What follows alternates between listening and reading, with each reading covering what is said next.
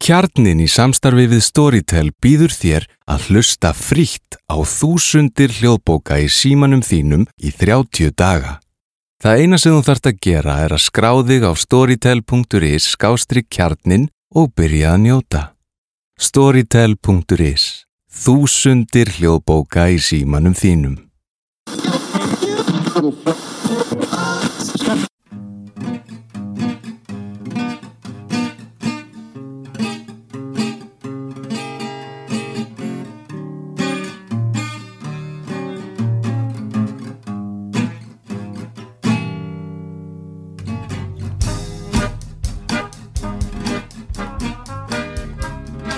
Velkomin í samtal við samfélagið hlaðvarp félagsfræðinar. Hjá mér í dag er Asrini Vahidín, prófessor í félagsfræði við Háskólan í Vorvik í Breitlandi. Hún er stödd hér á landi og var meðal annars með fyrirlestur og eigum félagsfræðinar núna í lok ágúst. Rannsóknir hennar á sviði afbrótafræði og kynjafræði og nýverið kom út bók hennar Ex-Combatants, Gender and the Peace Process in Northern Ireland, Women, the Prison Experience and Political Protest. Ég skipti núna yfir á ennsku Welcome to the podcast and welcome to Iceland. Um, thank you very much for the invitation to participate in, in this conversation Yeah. and for um, organising the visit. Yeah, no, that's great to have you here. So, one of the things that we always like to do here is to learn a little bit more about you and sort of how you came to sociology. So, if you could maybe tell me a little bit about your educational path and how you became interested in sociology and decided to make it your life's work. Life's vocation. I- Yeah. I, I was I was very fortunate in the in the fact that my mother is a lecturer in sociology. and did a PhD in uh, women's studies and was involved in Greenham Common. I come from a family that was always interested in social injustice and how we can alleviate um, inequality. So it seemed like a natural course for me. Yeah. Um, I was very fortunate to be inspired and motivated and kind of intellectually engaged by um, staff from the from the University of London Goldsmiths College, such as Nicholas Rose, Paul Gilroy, Vikki Bell, Caroline Ramazanoglu, um, who um, opened up a body of knowledge that looked at the construction of identity and the performativity under of identity under um, um, different types of gazes, and the gaze that I was particularly interested um, looked at how um, deviant bodies became constructed, Mm-hmm. and I applied that that interest um, and uh, uh, to the carceral gaze, Yeah. and that led me into um, the work that I'm I'm known for in relation to women and imprisonment Yeah, and how we can re, re, you know inform penal practice in order to reduce crime um, and put at the co- core of any type of punishment, uh, if possible, Mm. rehabilitation. So I'm a key adv- advocate for decarceration. Mm-hmm. And this was when you were doing your undergraduate studies. This was when I was doing my undergraduate studies Yeah. at Goldsmiths. Yeah. And then you see that this is what I want to do when you go and get your PhD. Um, I t- went to um, Keele University. Mm. I got a scholarship t- to do my masters under um, the most amazing, inspirational um, academic Mm. I c- I've ever come across. Yeah. Her name is P- Professor Pat Carlen, Mm. who um, was the first academic really to um, look at how we can reform the imprisonment of women um, and also um, um, embed the idea of abolitionism. Mm-hmm. So I was very fortunate to work under her Yeah. and with the likes of um, Sandra Walklate, um, Anne Worrall, Mm. um, and then I kind of moved to do my PhD Yeah. yeah, at, at Keele University Yeah. So a lot in the of- Midlands. Yeah. um, uh, with another inspirational um, academic um, called Professor Judith Phillips Mm. and Professor Simon Biggs that looked at how aging, the construction of aging, um, is played with it, played out within a capitalist society. So I looked at gerontological literature, criminological literature, and sociological literature in order to understand the experiences of um, older women in, in prison. Mm-hmm. Yeah, and I think we want to learn a little bit more about that work here in uh, minute, but I think um, one of the things that you were talking about here in Iceland was your research in Northern Ireland. And I think most Icelanders, um, you know, have an idea of what it was that was going on there. Um, but maybe if you could um, tell us a little bit about sort of the situation there and dating all the way back to 1921 and until 1998 when there was an agreement or sort of a beginning of the, and just sort of giving us a little bit of the historical context and what were they fighting about, what were the key issues, who were the players. Okay. Well, in a short period of time, that is a tall order, but I shall try and do my best. Um, as you know, the the, the the island of Ireland is, is, is small and it's partitioned, and it was partitioned um, it, it, partitioned by the very fact that you had the north and, and, and the south, which is what people know know of. North being Northern Ireland or the north of Ireland, and um, which is still owned and ruled by the British. And then the south is an independent country, which Mm. is known as the Republic of Ireland or the Emerald Isle. Mm-hmm. Um, they have their own language. They speak um, fluent, you know, Irish Gaelic. Um, it's an absolutely stunning country if you ever get the opportunity to go. Oh, many Icelanders like to, I think, probably have visited Ireland in general, but Mm. also Dublin for the shopping. Okay.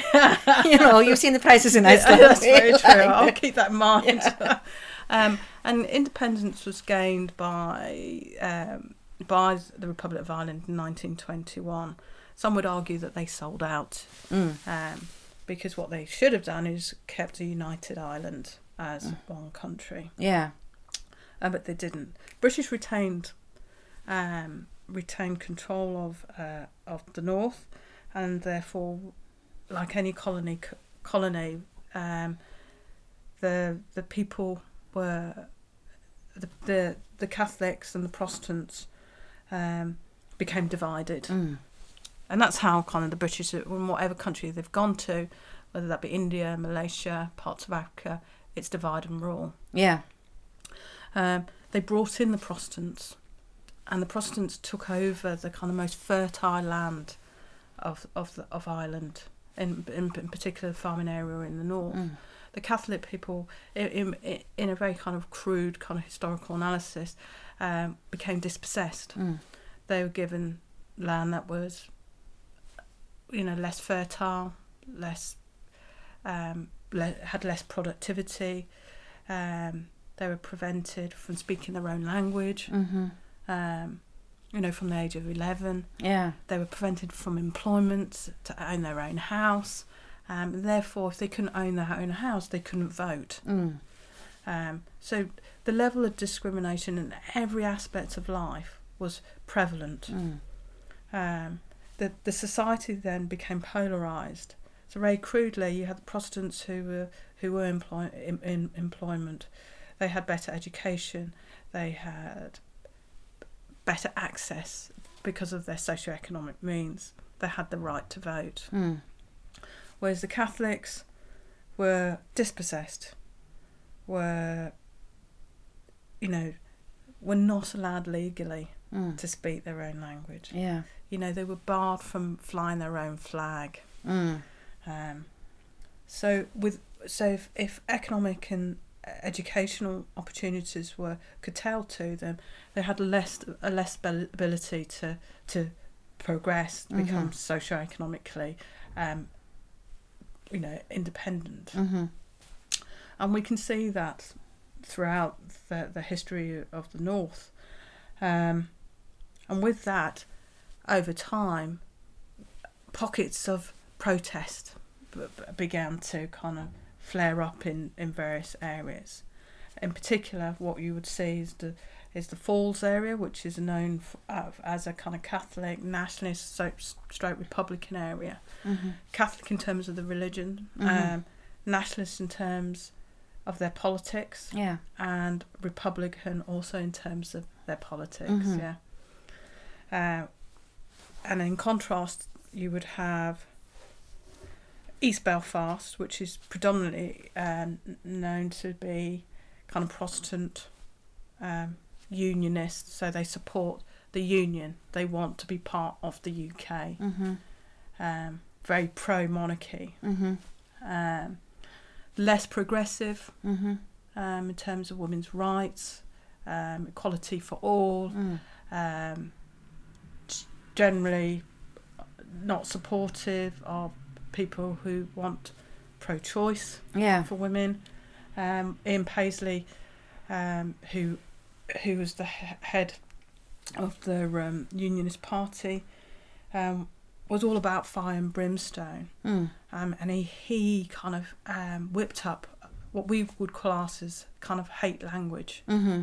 against LGBTQ people, um, against Catholics, against women who who wanted to have the opportunity for uh, for an education, to Mm. be independent, for equal rights, for equal pay. His idea f- uh, uh, for women was that the best place is, is for them in the kitchen, Yeah. by the kitchen sink. Mm. Now, him and the DUP um, created a situation um, in which um, the Catholics became under siege Mm. by the Protestants. Um, he mobilised um, people of the Unionist persuasion, the DUP, Red, and the Red Commandos, Commandos, and other paramilitary kind of factions to um, support the oppression of the kind of Catholic Republican people Yeah. through violent means. Mm. And what happened? Um, there was a, a march, Mm-hmm. civil rights march, um, and um, What year is that? that was in the 1960s, 1960s. Yeah. uh, led by a woman called um, um, Devlin. Mm. Angela Devlin, but I can check that. Um, Yeah. Sorry, it will come back to me. Um, an amazing um, civil rights activist, um, and they did a peaceful demonst- peaceful walk to Derry, um, and they were met by the Royal Ulster Constabulary, which is a police force run by the British government, who brutalised individuals. This sparked off a number of riots Mm. in or protests in response to the heavy-handedness of the um, the, the Royal Ulster Constabulary, Constabulary, also known as the RUC. Mm. Um, what happened then was that the British government brought in that army Mm-hmm. the, and placed them in Catholic areas. Yeah. first, the, the Catholics thought that the British Army was there to protect them, but Mm. soon realised um, that the, that the the consequence of the British Army actually be, of being in this in this particular area was not to protect them, Mm-hmm. was to basically show the kind of the, the fist, the iron fist of the British government. Yeah. And what happened then was a series of policies, Mm. um, new legislations, um, so brought in what, by what's known as the Emergency Legislation Act, which in other words is kind of terrorist legislation. Mm. Yeah. Um, so that anyone who opposed, yeah, or demonstrated, was seen as you know making making statements against the British government in any way, were brutalised by the police Mm. imprisoned and interned. And internment um, could mean you, you could be walking down the street, but be known um, that you're kind of from a Rep- Republican family or nationalist family, uh, and then you'd be arrested. Mm. You'd end up in in prison. You would then go to Diplock Court, which is a kangaroo, kangaroo court in many ways, in the sense there is only one judge, Mm.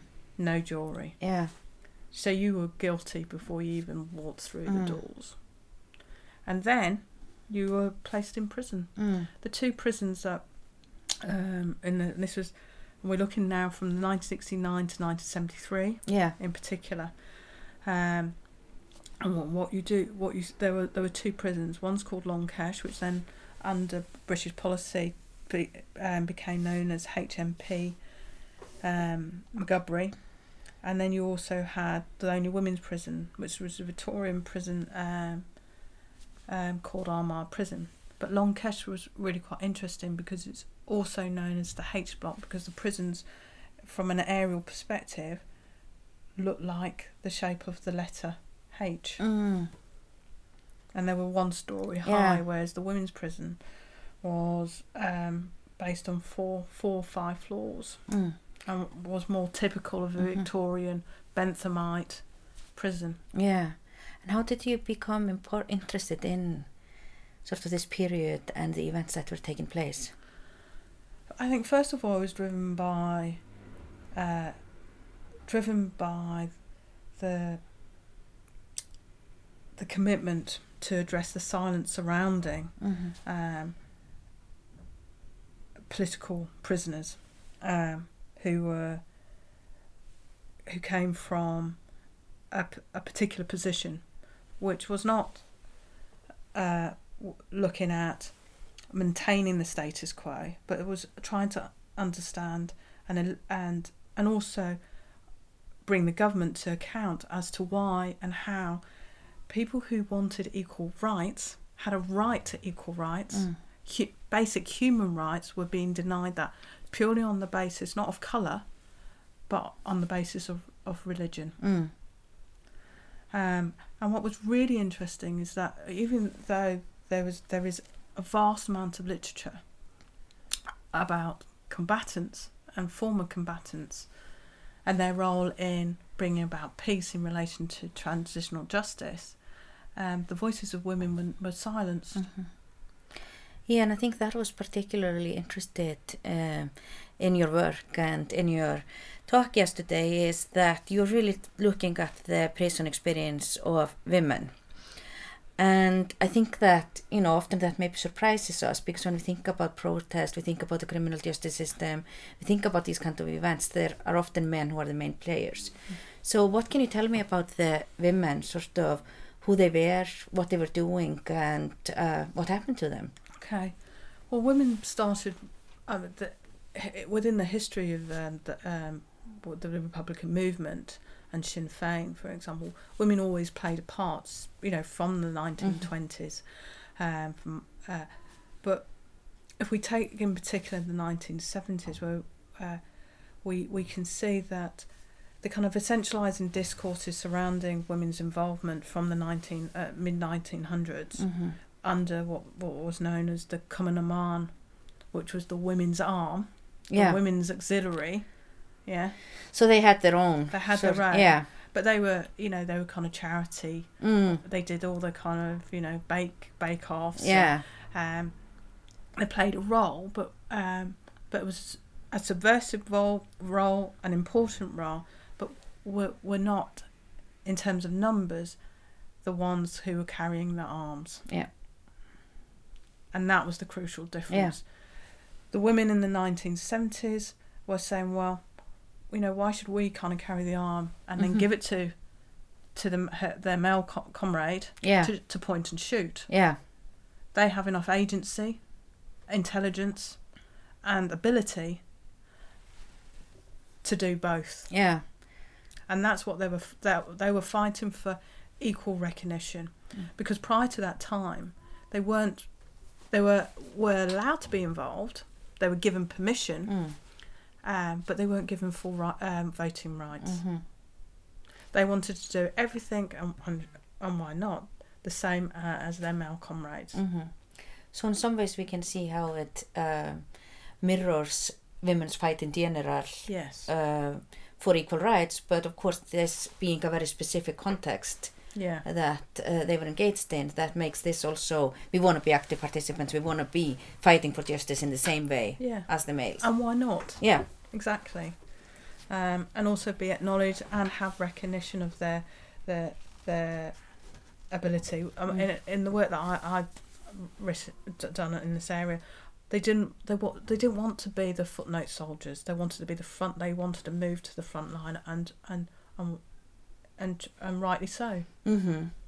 And so what happened to them? Uh, Well, they first, I mean, they kind of got involved in their kind of early to mid teenage years. yeah. Um, they got organised demonstrations, protest movements. They were equally involved in covert, op- you know, covert, covert operations. They were involved in, but they became elected because of their, their ability to to the army structure, Yeah. the internal army structure.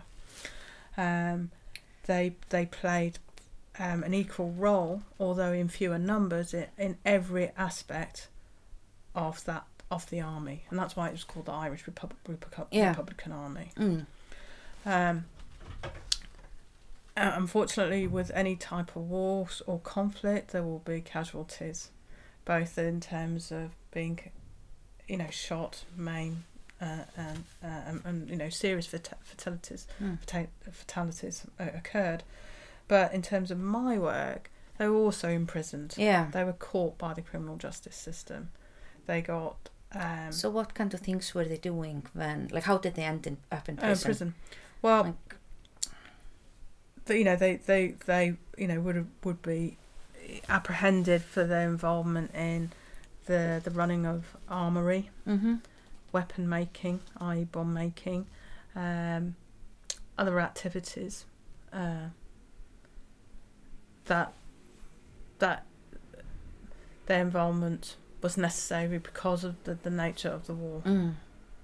And your focus is mostly, if I'm right, on what then happens to them within the prison walls. That's right. Yes. Uh, so what was that like? And The experiences for them um, were truly shocking. mm. Um, these were young, and again, here we are thinking about the seventies, largely. yeah, largely the young seventies women in the seventies. to 1988. Okay. Uh, but they were placed in um, Armagh prison, which which is a Victorian prison. So sanitation was poor, heating was poor.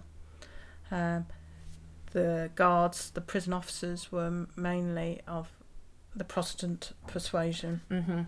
um, and also supporters of, therefore, of the Union. Yeah. So um, the level of discrimination that the women faced were were huge, and you have to understand that these were young women, and this was their first experience of being placed behind Mm. bars. Mm-hmm. Um, so when they were received into prison, i.e., reception, they were strip searched, which means that the women, uh, uh, you know, the, um, the women quite modest at the time. That generation was Yeah. quite modest in that time. You know, the people I interviewed stated that they didn't they didn't even see their husband naked. Yeah. Yeah, before Oh. marriage, Yeah. let alone after oh, Yeah. after Yeah. marriage. yeah, which is quite surprising for us nowadays. But Yeah. we have to understand that this particular generation were constructed by frameworks that's of kind of uh, the norms of a particular culture, norms of a particular religion, Mm. norms surrounding the role of women. Yeah. Yeah. So that in itself would cause a huge amount of issues. And how the strip searches were conducted has to be questioned. Mm. It wasn't done with dignity Mm-hmm. or respect. Yeah. You know, many of the women suffered huge indignities of being internally cavity searched. Mm-hmm. The question is, even in today's time, is it necessary? My my answer is no. Yeah. There is no reason Exactly. why we should be cavity searching any male or any prisoner. Yeah. So it's largely to, you know, show power or It's an abuse of it's power. a yeah. um, and it you know and for many of the women in prison today although we have better strip searching policies in relation to the UK you know we have to think that women ha- who go- enter the prison system are have suffered sexual abuse Mm. um, the majority of women have s- suffered some type of physical Yeah. abuse at the hands of men Yeah. so this is just another form of violation Mm. They were strip search. Food was very basic, Mm. um, and because of the nature of their alleged offence, um, association was was restricted. Mm. So, in other words, they could be, you know, they could be placed behind walls by behind their door for twenty four hours Yeah. without any, you know, um, exercise. Mm. And the exercise they had was just a yard that they would walk Mhm. round. What was really interesting at the time was that women were allowed to wear their own clothes, which is different to the men's prison Yeah. prisoners at the time who were political prisoners. So they chose, again, it's an example of Mhm. resistance, just a black skirt, black trousers, uh, black berry, black top. Mm. Um, and then the, the prison officers caught on that actually this was uh, this was an insignia. This was symbolic of their paramilitary Yeah. uh, um, bearing. Mm-hmm. So they um, decided to confiscate the clothing, um, and rather than you know have a general conversation with the women, they brought in a whole squad that beat the women up on on on a particular d- day in February. I'm trying to think of the year. Yeah. Come to me, and uh, place the women behind bars. Mm. This led to not only the hunger strike that some of the women went on, but also the no wash protest, which Mm. uh, which is an example of not only state brutality, because indelibly the state is linked with the, the power to punish. And the government did truly punish the women. Yeah. They placed the women who were, who were young, yeah, um, behind the cells, prevented them from using the toilets, the Mm. bathroom, gave them chamber pots instead to use Mm. excuse me. Then they um, refused to allow the women to empty the chamber pots. So, Mm. ra- so rather than let the chamber plot, pots overflow with excrement and etc., they would, you know, try and throw the contents, you know, out the window through the spy hole. The prison officers caught on with that, so they blocked up the spy hole, blocked up the blocked up the windows Mm. and the women then t- to kind of prevent the smell and the the possibility of uh, of being infested with maggots and flies they placed their they feces on the walls Mm. so that assisted with the dry you know Yeah. drying out of of the material Mm-hmm. and um, the, reduced the smell Mm-hmm. And what was quite creative at the time uh, is that the women would write slogans Mm. um, and draw pictures and Yeah. write in Gaelic. Um, and this then, this kind of condition placed the women in a position of invisibility be- on the basis that the prison officers didn't want to come into that environment. Mm-hmm. Yeah, Yeah. you know, a cell is only 12 by 6. Mm-hmm. Um, so you're talking about a very small environment with two women, and the kind of the smell was quite horrendous. Yeah. Um, so if when the door did open, they would then throw the contents of their chamber Mhm. pots at the prison officers. Yeah. Prison officers kind of reacted by wearing kind of rubber, kind of insulating Mhm. suits. So they look like aliens kind of walking through the cell, you know, walking through the wings, um, just to prevent them from being um, contaminated Mm-hmm. or uh, polluted by the dirt of the political prisoners. Yeah, I mean, I think it's very hard for us to imagine today that this could happen in the 80s Yeah, in Northern Ireland. yeah. I mean, it sounds truly horrific. Yeah.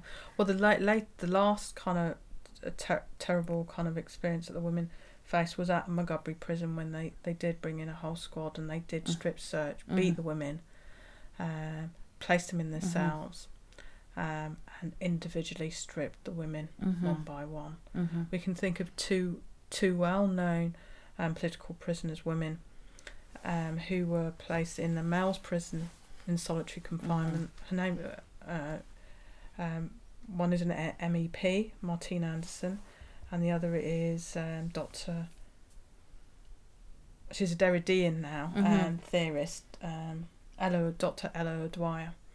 And their their experiences were absolutely horrendous. They were not only placed in a male's prison, HMMP Brixton, they were force fed Mm. and strip searched Mhm. unnecessarily Mhm. because they were in solitary confinement. If you're in solitary confinement, you're not mixing with anybody else. Yeah. You're not talking to anybody else. There's no way anything could be Mhm. passed between. Yet they were strip searched regularly. Mm-hmm. You know, one Yeah. on one time they were strip searched twelve times in one day, Yeah. Force fed, yeah. No, I mean, it's. brutally Yeah. force fed. You know, where they placed a tube down Mm. really true really truly shocking and and you see what we are living with now even after the good friday agreement is people living with the consequences of being tortured in such a way Mm-hmm. Yeah, I think it's really hard to imagining.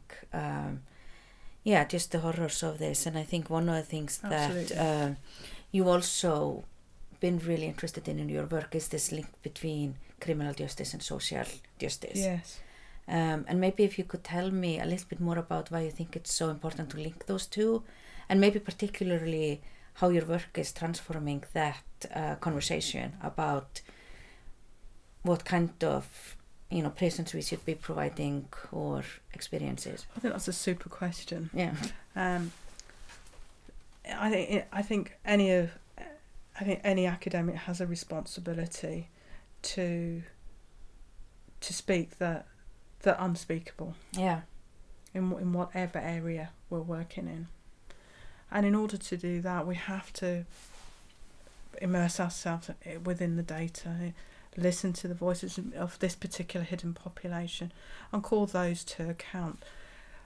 In, in relation to criminal justice, it's run by the state. The state has a duty of care. Mm. If we are going to imprison anyone, and we imprison, you know, we're, we're, we're the UK is very punitive. Yeah. We have just under 100,000 people in prison.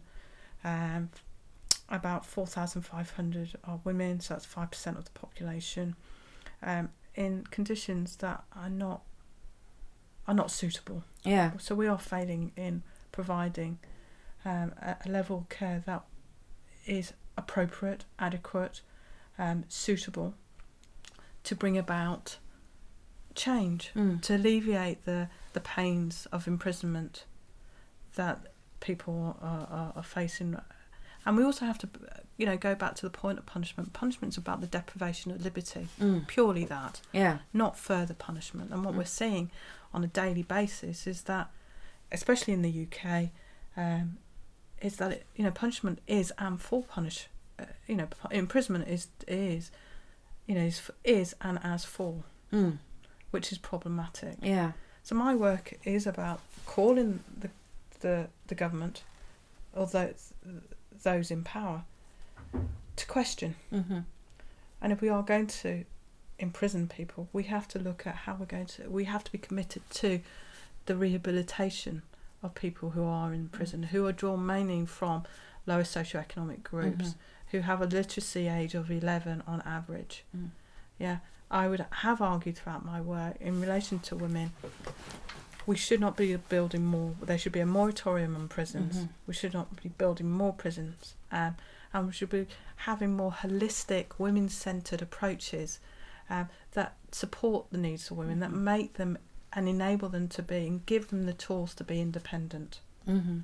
Well, I think that's a really important point that I think is sort of underlying what you've been saying is I mean a lot of people from a lot of different from different groups, different socioeconomic status, um, you know, different groups of sort of power in society Mm. can end up in prison. But the likelihood of the situation being horrific or the experience being horrific is probably closely linked to the social position of the individual in society. Exactly.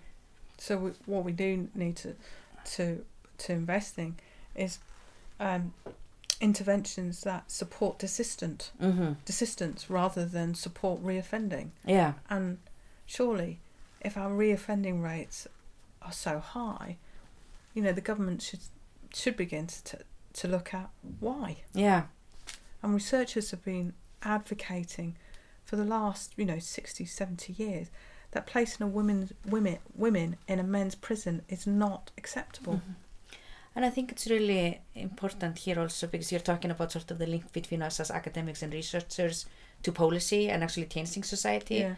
What do you see as the ways in which we can do that? Like, how do we inform policy? How do we? We, in terms of my own work, Yeah. um, and, and making policy and making recommendations, it's based. It is based on this relationship between social justice, Mhm. human rights, and the and the and and and the criminal justice system. The purpose of the of the criminal Yeah. justice, the purpose of the criminal justice is not to further punish, but to to rehabilitate Mhm. and reduce reoffending rates. Yeah. And somewhere in along this pipeline, there is a disjunction, Mm-hmm. and it's our responsibility to speak to sp- not speak for other people, but to kind of address the issues that are furthering discrimination, that are furthering inequalities, yeah, and also open up a kind of closed environment, which is you know, a microcosm of the worst aspects of our society, Mm-hmm. and we see that very much in in the in the prison estate. Mm-hmm. You know, high right, r- rates of um, high rates of deaths in custody, how high rates of um, self harm, Mm-hmm. shocking, Yeah. disproportionately um, compared Yeah. to our to the outside community. Mm. High rates of mental health. Mm-hmm. Yeah, um, we have mothers with children in prisons. We Mm. have, you know, and what happens to the children? Yeah, Yeah. exactly. You know, the consequences are far-reaching. Yet, Mm. you know, our policy, you know, the British government's response to stops at the prison gates. Yeah. We need a proper through care system that is joined up. Yeah. No, and I think many of those, of course, in different ways, are also very relevant in Iceland. Uh, Mm.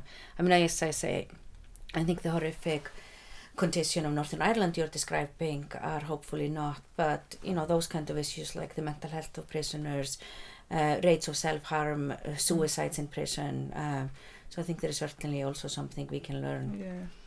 And from your work here.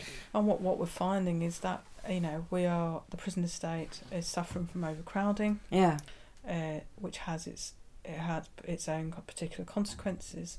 And we are seeing more prison riots, we're seeing more prison disturbances, we're, we're seeing more prison on prisoner violence. yeah, Surely these are all sy- symptomatic of a prison system that not only in crisis but just doesn't work. yeah.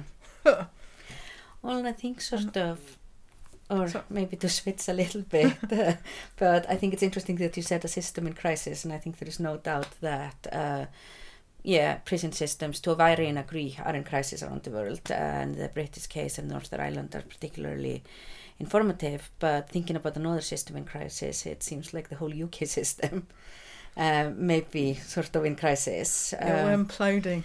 yeah, so now with like uh, you know Brexit potentially coming up, um, maybe if we start just at the individual level, like what is it like to live in the UK at the moment uh, with this potentially coming up, and being in UK academia?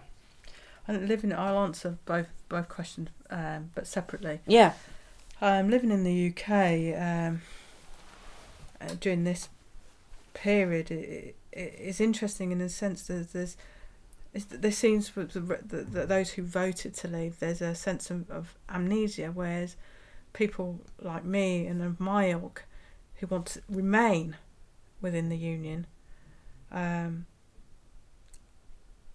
are not are devastated at the the, the, the, possibility of leaving mm. and want to mobilise, you know, such with the kind of groups such as People Against Austerity, you know, people moving to, you know, advocating for people's vote. Um,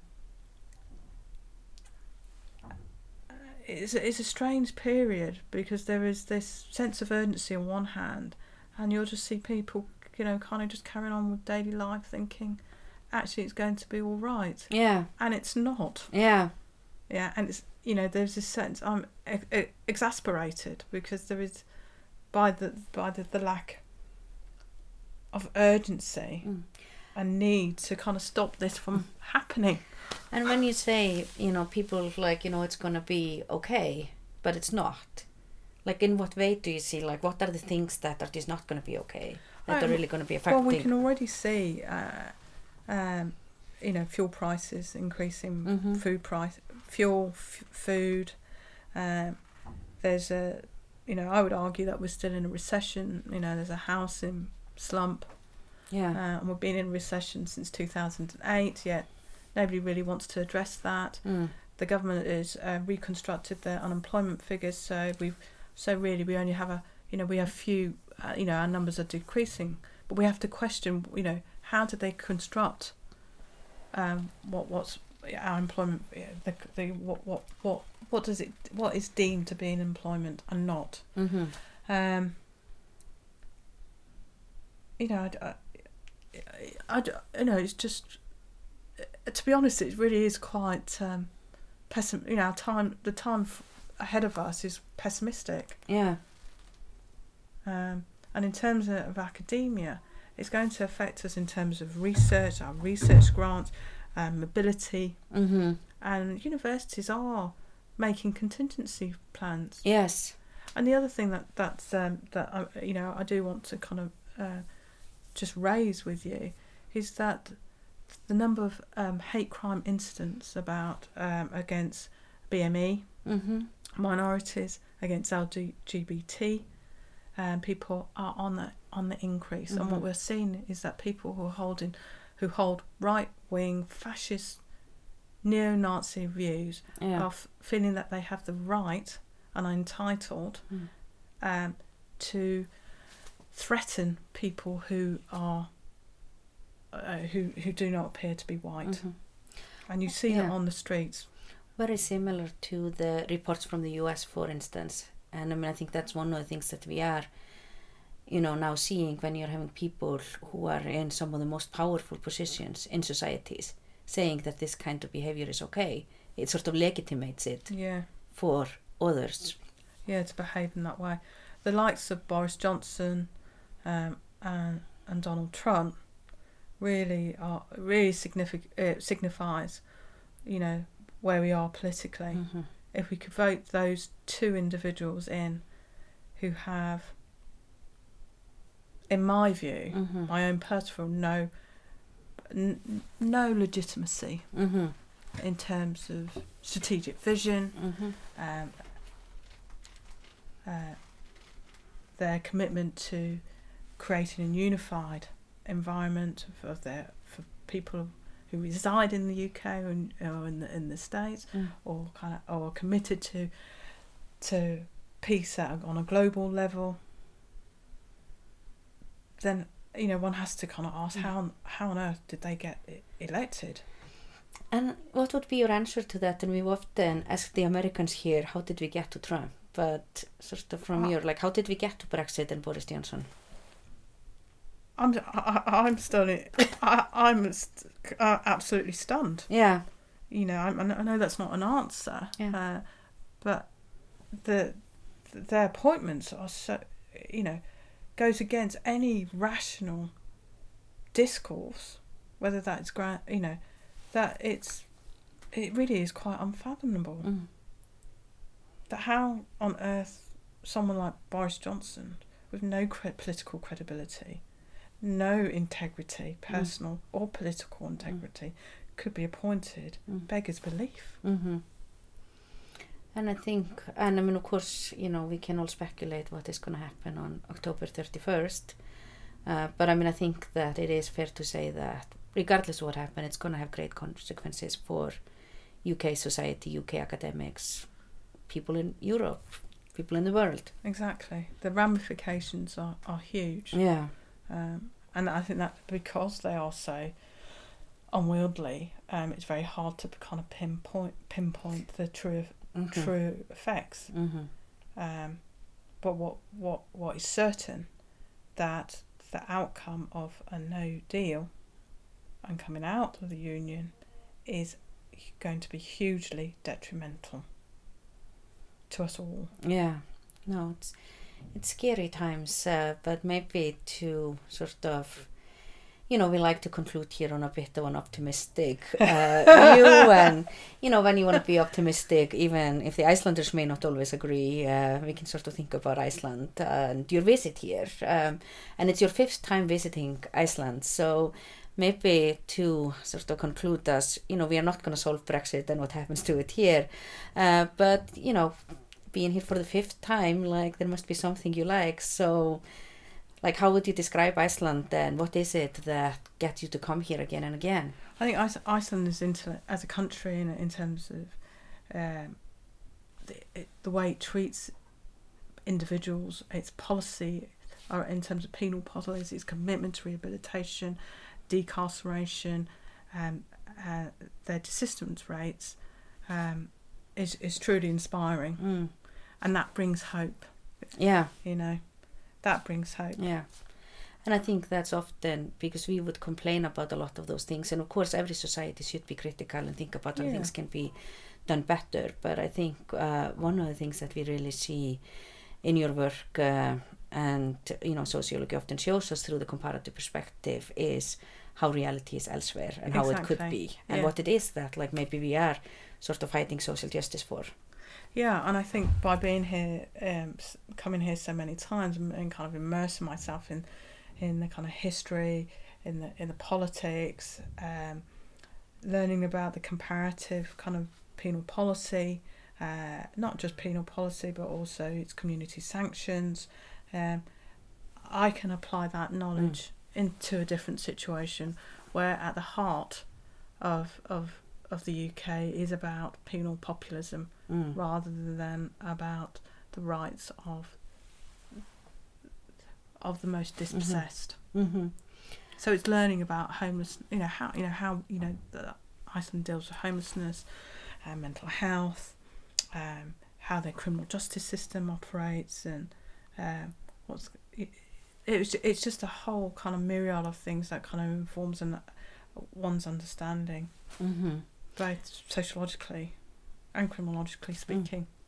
Yeah, and I think that's a very interesting and important conversation to have. And one of the things that we are looking at is to increase the collaboration between Iceland and Warwick. Yeah. So I think we are very much uh, looking forward to sort of seeing where that takes us and, uh, you know, seeing where your work in the future. So thank you so much for being here with us today, thank- being in Iceland, being at the University of Iceland. Thank you very much. Kjarnin í samstarfi við Storytel býður þér að hlusta frítt á þúsundir hljóðbóka í símanum þínum í 30 daga. Það eina sem þú þarft að gera er að skrá þig á storytel.is skástri kjarnin og byrja að njóta. Storytel.is Þúsundir hljóðbóka í símanum þínum.